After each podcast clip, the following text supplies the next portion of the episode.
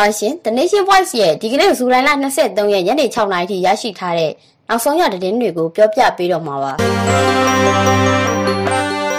ထမဆုံးအနေနဲ့တင်ဆက်ပေးခြင်းတဲ့သတင်းကတော့မြို့နယ်ချုပ်မှာပြည်သူ့မပြည်သူတို့ကမ်ပိန်းတွေစတင်နေတဲ့အကြောင်းမှာရဲဦးမြို့မှာကိုရိုနာဗိုင်းရပ်စ်ကြောင့်ဈေးဆိုင်တွေပိတ်ထားရတဲ့အတွက်စားတောက်ခက်ခဲကိုဖြည့်ရှင်းပေးနိုင်ဖို့ကျေးရွာဆယ်ရွာခန့်စုပေါင်းပြီးလိုရင်ယူပိုရင်လူပြည်သူ့မပြည်သူတို့ကူဆိုတဲ့အစီအစဉ်စတင်ဆောင်ရွက်နေပါတယ်။ ချွတ်တုံဖြူနီခရမ်းဒီချင်မောင်အာလူစတဲ့ဒေတာထွက်ကုန်တွေပြင်ဆန်တဲ့စီကိုပါမြို့ပေါ်မှာတွားရောက်လှူဒန်းနေကြတာပါရေဦးမြို့နယ်မှာကိုဗစ်ကြောင့်ဒေဆုံးလူ9ဦးရှိပြီဖြစ်ပြီးကူးစက်ခံရသူက250ကျော်ရှိနေပါတယ်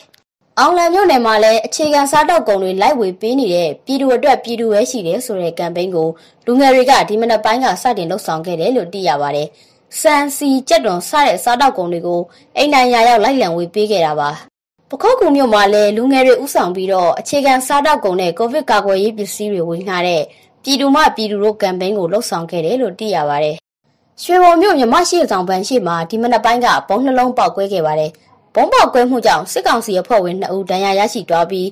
ဗဝင်းကျင်မှာလုံခြုံရေးတင်းကျပ်ထားတယ်လို့ဆိုပါတယ်။ဘယ်အဖွဲ့ကလုပ်တယ်ဆိုတာမသိရသေးပေမဲ့အာနာသိမ့်ပြီးနောက်ရွှေဘုံမြို့မှာဘုံပေါက်တာ၈ကြိမ်ရှိပြီလို့သိရပါတယ်ရှင်။ တထုံမြို့နယ်ဒူးရင်စိတ်ကျေးရွာအုပ်ချုပ်ရေးမှူးဦးလာမင်းဟာဒီမနက်9နာရီလောက်ကတနက်နဲ့ပြစ်တက်ခံလိုက်ရပါတယ်။နေအိမ်ကဈေးဆိုင်မှာဈေးထွက်ရောင်းနေစဉ်အမည်မတိတနက်တမနှစ်ဦးကဆိုင်ကယ်နဲ့လာရောက်ပြစ်တက်သွားတာပါ။ဆယ်ချက်ထံမနေပြစ်တက်ခံရပြီးပွဲချင်းပြီးဒေဆုံးသွားတယ်လို့သိရပါတယ်။ဇွန်လပိုင်းတုန်းကလည်းတထုံမြို့နယ်နောင်ဘူကျေးရွာအုပ်ချုပ်ရေးမှူးဦးစိုးတိန်ကိုတနက်နဲ့ပြစ်တက်ခံခဲ့ရပါသေးတယ်။နောက်ထပ်သတင်းတစ်ပုဒ်ကတော့မြန်မာနိုင်ငံရဲ့ကိုဗစ်အခြေအနေဆိုးရွားလာလို့ရန်ကုန်မှာရှိတဲ့ထိုင်းတန်ယုံက ဇူလိုင်လ26ရက်ကစပြီးဗီဇာထုတ်ပေးတာကိုရက်အကန့်တက်မရှိရက်နားမယ်လို့သတင်းထုတ်ပြန်ထားပါတယ်။စစ်အာဏာရှင်ပြုတ်ကျရေးအတွက်ဒီမနက်ပိုင်းကဆန္ဒထုတ်ဖော်မှုဖြစ်ပွားခဲ့တဲ့အင်းစိန်အကျဉ်းထောင်ကိုစစ်တပ်ကစီရင်ထားပြီးထောင်ထဲကဝန်ထမ်းတွေရဲ့လက်နက်တွေကိုတင်စီထားတယ်လို့ AAPP ကထုတ်ပြန်ပါတယ်။ဆန္ဒထုတ်ဖော်မှုဟာအမျိုးသမီးဆောင်ကစတင်တာဖြစ်ပြီးဝန်ထမ်းအချို့လည်းပါဝင်ခဲ့တယ်လို့ဆိုပါတယ်။အင်းစိန်ထောင်အခြေအနေနဲ့ပတ်သက်ပြီးမြန်မာနိုင်ငံဆိုင်ရာတန်မတ်ကြီးများတန်ရုံးယာယီတာဝန်ခံများနဲ့ တန်ရုံးကြီးကဲတွေစုပေါင်းပြီးကြေညာချက်တစ်စောင်ထုတ်ပြန်လိုက်ပါတယ်။ငင်းကျန်းစွာဖြည့်ရှင်းဖို့နဲ့အကျဉ်းထောင်တွေမှာဖမ်းဆီးထိန်းသိမ်းခံထားရလူအလုံးအတွက်ကောင်းမွန်တဲ့ကျန်းမာရေးစောင့်ရှောက်မှုတွေရရှိဖို့တိုက်တွန်းထားပါတယ်။ဆက်လက်ဖြစ်ပေါ်ပြောင်းလဲနေတဲ့အခြေအနေတွေကိုလည်းအနီးကပ်စောင့်ကြည့်နေတယ်လို့ဆိုပါတယ်။ဆက်တဲ့တင်ဆက်ပေးခြင်းတဲ့တင်ကတော့နိုင်ငံရေးအကျဉ်းသားတွေကိုကူညီဖို့အပြည်ပြည်ဆိုင်ရာကြက်ချင်နီကော်မတီ ICRC ကို CRPH ကတိုက်တွန်းလိုက်ပါတယ်။ယုံကြည်ချက်ကြောင့်ဖမ်းဆီးခံထားရတဲ့နိုင်ငံရေးအကျဉ်းသားတွေဟာ တန်ရှင်းတဲ့တောက်သုံးရည်အစားအသောက်နေရာထိုင်ခင်းနဲ့စေဝါကူတာမှုတွေမရတဲ့အတွက်အဲ့ဒီနှစ်နောက်ဆုံးရှုံးနေတဲ့လိုအပ်ချက်တွေကိုကော်မတီရဲ့တာဝန်ရှိတဲ့နိုင်ငံတကာကျင့်ဝတ်တွေနဲ့အညီအများဆုံးကူညီပေးဖို့တိုက်တွန်းထားတာပါရင်းစိန်ထောင်တွင်ဆန္ဒပြမှုအပြီးရန်ကုန်မြို့နယ်အချို့မှာတန်ပုံးတီးတပိတ်တွေကိုလှုပ်ဆောင်ခဲ့ကြပါတယ်။ဒါ့အပြင်ည၈နာရီမှာလဲဆီယနာရှင်စန့်ကျင်တန်ပုံးတီးတပိတ်ကိုပြိုင်လူလုပ်ကြဖို့လူမှုကွန်ရက်တွေမှာမျှဝေထားကြပါတယ်။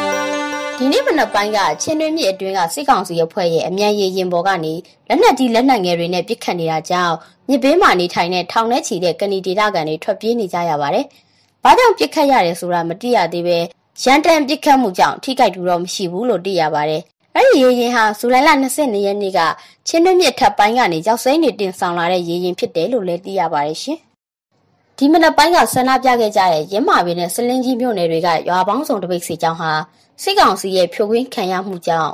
အနည်းဆုံး9ဦးဖမ်းဆီးခံလိုက်ရပါတယ်။တနက်နဲ့ပြစ်ဖောက်ဖြိုခွင်းခဲ့တာကြောင့်ဒဏ်ရာရသူတွေလည်းရှိခဲ့ပါတယ်။တရုတ်မြန်မာနယ်စပ်မူဆယ်ဂိတ်ကိုပိတ်ပင်ထားပေမဲ့ချင်းရွှေဟော်နယ်စပ်ကနေလီတာ40ဆန်အောက်ဆီဂျင်ကိုအလုံးရေ2000ကိုဒီလာတဲ့တင်သွင်းဖို့ကုန်တယ်တွေကစီစဉ်နေပါတယ်။အဲ့ဒီနယ်စပ်ကနေ flow meter အပါဝင်အောက်ဆီဂျင်40လီတာအိုးလွတ်တလုံးကို မန္တလေးအရောက်တသိန်း၈တောင်းခန့်နဲ့ဝယ်ယူနိုင်တယ်လို့နေဆက်ကုန်တွေကဆိုပါတယ်။ပြည်တွင်းဈေးကွက်မှာတော့လိုအပ်ချက်တွေပေါ်ခွင့်ကောင်းယူပြီးတရုတ်ထုတ်လီတာ40တအိုးကိုကျန်သိန်းခွဲကနေ9သိန်းဝန်းကျင်အထိရောင်းချနေကြပါတယ်။နောက်ဆုံးတင်ဆက်ပေးမယ့်သတင်းကတော့ NUG အစိုးရကိုနယူးဇီလန်အစိုးရကအတိမတ်ပြူရေးလက်မှတ်တသိန်းစုဆောင်းနေလို့ပါဝင်လက်မှတ်ထိုးကြဖို့နှိုးဆော်တဲ့အကြောင်းမှာဒီမိုကရေစီရောမြန်မာအဖွဲ့ကဥဆောင်ပြီးအမျိုးသားညီညွတ်ရေးအစိုးရ NUG ကို နယူးဇီလန်အစိုးရကတရားဝင်အတိမတ်ပြုဆက်ဆံလှုပ်ဆောင်ဖို့အွန်လိုင်းလက်မှတ်ထိုးပွဲကိုဇူလိုင်လ9ရက်နေ့မှစတင်လှုပ်ဆောင်နေပါတယ်။နယူးဇီလန်ပါလီမန်အင်တာနက်စာမျက်နှာမှာတဆင့်လက်မှတ်ကောက်ခံတာကိုဩဂုတ်လ9ရက်နေ့မှာပိတ်သွားမှာဖြစ်တယ်လို့သိရပါတယ်ရှင်။အခုတတင်ဆက်ပေးခဲ့တဲ့သတင်းတွေကို The Nation Voice သတင်းဌာနရဲ့ Facebook, YouTube နဲ့ Telegram တွေကနေတဆင့်နားဆင်နိုင်ကြတာမို့